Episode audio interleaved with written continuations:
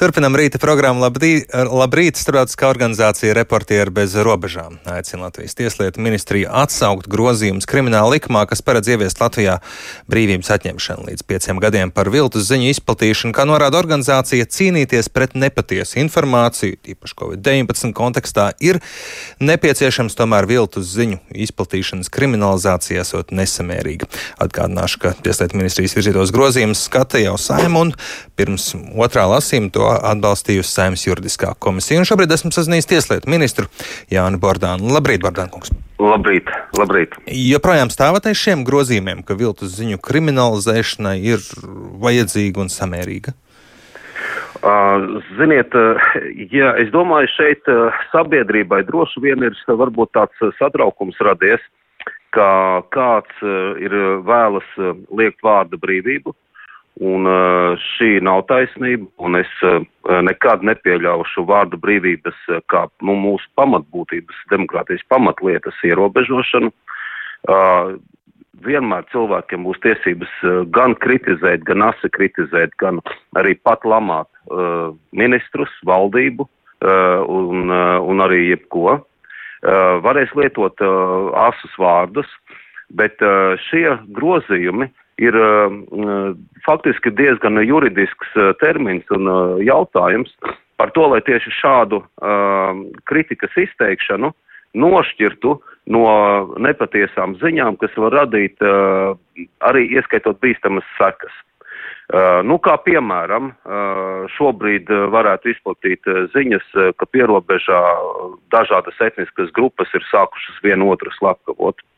Un, eh, ja to dara eh, apzināti, un to izmeklētāji var konstatēt, piemēram, eh, tad tas ir ļoti bīstami tieši pašai vārda brīvībai. Mēs šādā veidā varam tieši nokaut vārda brīvību un mūsu demokrātiju un beig, beigās arī mūsu valsti. Un tad tiks nokaut arī vārda brīvība, tā kā tas ir vienā no kaimiņu valstīm vai divām. Un tieši šo iemeslu dēļ ir nepieciešams aizstāvēt šo vārdu brīvību, eh, cīnoties pret eh, apzinātām eh, nepatiesu ziņu izplatīšanai. Bet tas nekad nebūs pavērsts pret vārdu brīvību. Bet man šeit tas galvenais satraukums jau par to, cik plaši interpretējama būs šī norma, vai nav risks, ka, piemēram, par kriminālu sodām uzskatīs arī kādas, nu, piemēram, neatkarīgas avīzes, iespējams, manipulatīvu aptauju datu atspoguļojumu, vai, piemēram, priekšvēlēšana laikā kādus politiķi izteiktus apgalvotus faktus, kuri īsti nav gluži precīzi, vai tas arī netiks palikts Nē, nu, zem? Jā, nu saprotiet, ka eh, pirmkārt, nu man īsti atbildot nē, jo juristi ir eh, ļoti labi atšķīruši šos jautājumus. Tas nav tāds jauns juridis, jauna juridiska situācija. Uh, vienkārši šobrīd tas viss tiek apzīmēts par huligānismu, kas ir samērā nepare, nepareizs apzīmējums, un mums jau faktiski šobrīd pastāv Uh, ļoti daudz, kāda deviņās vietās civil krimināla likumā jau ir minēts par nepatiesām ziņām. Šis nebūs arī nekāds juridisks jaunums. Es labprāt ar žurnālistu savienību, kas varbūt satraucās par to, ka viņi varbūt tās minēs kādas nepatiesas ziņas un tagad par to nāksies atbildēt. Es esmu labprāt gatavs tikties un par to runāt, jo šīs šaubas ir jākliedē. Tad vairāk tajā komunikācijā un izskaidrošanas veidā jūs redzat, ir problēma nevis pašā sagatavotajos grozījumos. Es domāju, ka, es domāju, ka jā, un tāpēc jau ir parlaments un parlamentārās debates un ir komisijas, un mēs nesūtījām likumu uh, uz saimu uh, pirms tam, kad neizskatījām to saimas apakškomisijā speciālā, ja šis likums netiek sūtīts vēl nekur. Un uh, tas vispār nav tāds atsevišķs Bordāna likums, jo šis uh, Šie jautājumi tika skatīti uh, Tieslietu ministrijas darba grupā jau labi sen un, uh, un ļoti daudzos kontekstos, ne tikai kaut kādā pēdējā brīdī, kā speciāls, uh, kāds saka, kā iegriba tiešām. Jā, jau pāris nedēļas tiek runāts par Covid-19 ierobežojumu noteikumu pārskatīšanu. Nav noslēpums, ka jūs jau pirms tam aicinājāt pārtraukt ārkārtējo situāciju, bet vairums valdībā to dienu pirms vairākām nedēļām bija cits viedoklis. Šodien koalīcijas sanāksmē arī par to tiks runāts. Kāda ir IKP pozīcija, kas būtu jādara tālāk saistībā ar Covid-19? Uh, šobrīd ir kopīgi jāizlemj, kādas mums ir uh, plāns iziešanai no uh, Covid situācijas un vispār ir plā, kāda ir uh, rezerves, kā teiksim, plāni. Uh, jaunā konservatīvā partija vēlas uh, vērst uzmanību uz uh, dažādiem aspektiem. Viens ir uh, divus gadus mums ir uh, bijušas, nu jāsaka, diezgan lielas mocības, un uh, iespējams, ka ekonomiskā darbība šobrīd ir uh, nemazāk svarīga kā veselības jautājumi. Uh, otrs, uh, iespējams, ka Omikrona paveids parāda citādāku slimības attīstības gaitu, uh, Uh, un uh, iespējams, ka šis ir pagrieziens uh, uz to, ka Covid faktiski beidzās. Un uh, kopīgi ar speciālistiem mums šie scenāriji ir jāapspriež.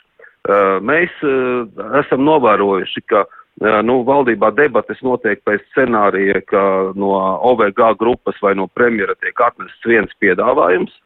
Un uh, tad mēs par to spriežam. Uh, tagad ir noteikts datums uh, 1. aprīlis, kad beigsies, vai 1. mārts, kad beigsies ārkārtas situācija, un tad domāsim, skatīsimies un risināsim, kas tad notiks. Mūsuprāt, ir jābūt gan plānam A, kāds tas tagad ir, gan arī plānam B un C. Un tas, ko mēs piedāvājam, ir runāt par visu, par iespējamiem risinājumiem līdz pat rudenim. Līdz pat rudenim ir jābūt izstrādātiem vairākiem plāniem, kā valdība rīkosies. Tas ir, tas ir mūsu piedāvājums. Pēc eh, šī brīža situācijas ir politiķiem pietiekami daudz informācijas, lai šos lēmumus pieņemtu. Jo ne, spēc... tā, jā, es atvainojos, es jūs pārtraucu. jā, jo speciālists saka, ierobežojumus vajadzētu vēl kādu brīdi paturēt tādus, kādi viņi ir līdz tas slim, saslimstības pīķis ir uh, pāri. Um, savukārt politiķi runā par to, ka pēc iespējas ātrāk vajadzētu atcelt dažādas ierobežojumus. Mm, nu, protams, politiķi arī dažādi ir. Uh, šobrīd uh, paskatīsimies uz reālo situāciju. Uh, daudzi, kam, kam ir kādā, kādā kopienā slimi cilvēki ar šo covid paveidu, viņi ir kon faktiski kontaktpersonas un nu, faktiski šobrīd uh, ļoti liela daļa sabiedrības vienkārši nedrīkstēt no mājām ārā, kaut arī viņi ir veseli. Nu, viens no jautājumiem, kas ir jāapspriež, vai ir iespējas, ka šīs kontaktpersonas tomēr var strādāt ar kaut kādiem uh, noteikumiem, uh, jo viņi faktiski to dara. Uh, neslēpsim, ka, ka ļoti daudzi vienkārši risinot arī savas ekonomiskās problēmas, uh, tomēr iznāk, ka pārkāp noteikumus. Uh, tāpat uh, līdzīgi ir jautājums skolās ar, ar bērniem, bērnu dārzos. Uh, Un, nu, mēs nedrīkstam vienkārši izlikties, ka šī situācija tāda nav. Un vēlreiz mums ir jāveic testēšanas kapacitāte valstī arī ir sasniegusi zinām robežu. Cilvēku uz testiem neiet jaudu, tādu arī nav, un varbūt tas viss ir objektīvi. Mēs nevaram vienkārši testēties, tāpēc, ka mums ir iepirkti testi un, un tie ir jāizlieto. Jūs prāt, certifikāti jāceļ? certifikātu prasību uzrādīšanu, zaļie, sarkanie režīmi? Es domāju, ka nu, pirmkārt šie certifikāti pastāv, tiek, tiem ir zināma loma, un arī tā, tas jautājums, ka cilvēki bija, bija jāpanāk, ir vakcinācijas noteikti pakāpe. Un šis arī ir lielā mērā sasniegts mērķis. Cilvēki vismaz ir savakcinējušies un sastopoties ar Uh, manā ieskatā ar uh, omikronu paveidu, viņi labāk pārnes šo slimību, bet tik un tā saslims, protams. Un tāpēc uh, mums ir vēlreiz jāredz, uh, kādi ir vēl iespējamie plāni. Un, protams, ka tas jāpiedāvā speciālistiem, bet uh, tas uh, nenozīmē tā, ka mēs uh, vienkārši slēdzam šobrīd gan ekonomiku, gan mācības, gan, uh, gan, uh, gan jebkādu darbu un uh, ignorējam to, ka mm, Omikrona paveids rīkojas savādāk. Mums ir jābūt plānam, eh, kā eh, Covid arī beigsies. Un eh, jābūt gataviem arī uz šo situāciju, un tā ir jāplāno. Diemžēl man liekas, ka problēma ir ar plānošanu. Paldies jums par sarunu šorīt. Tieslietu ministrs Jānis Bordāns ar mums sarunājās.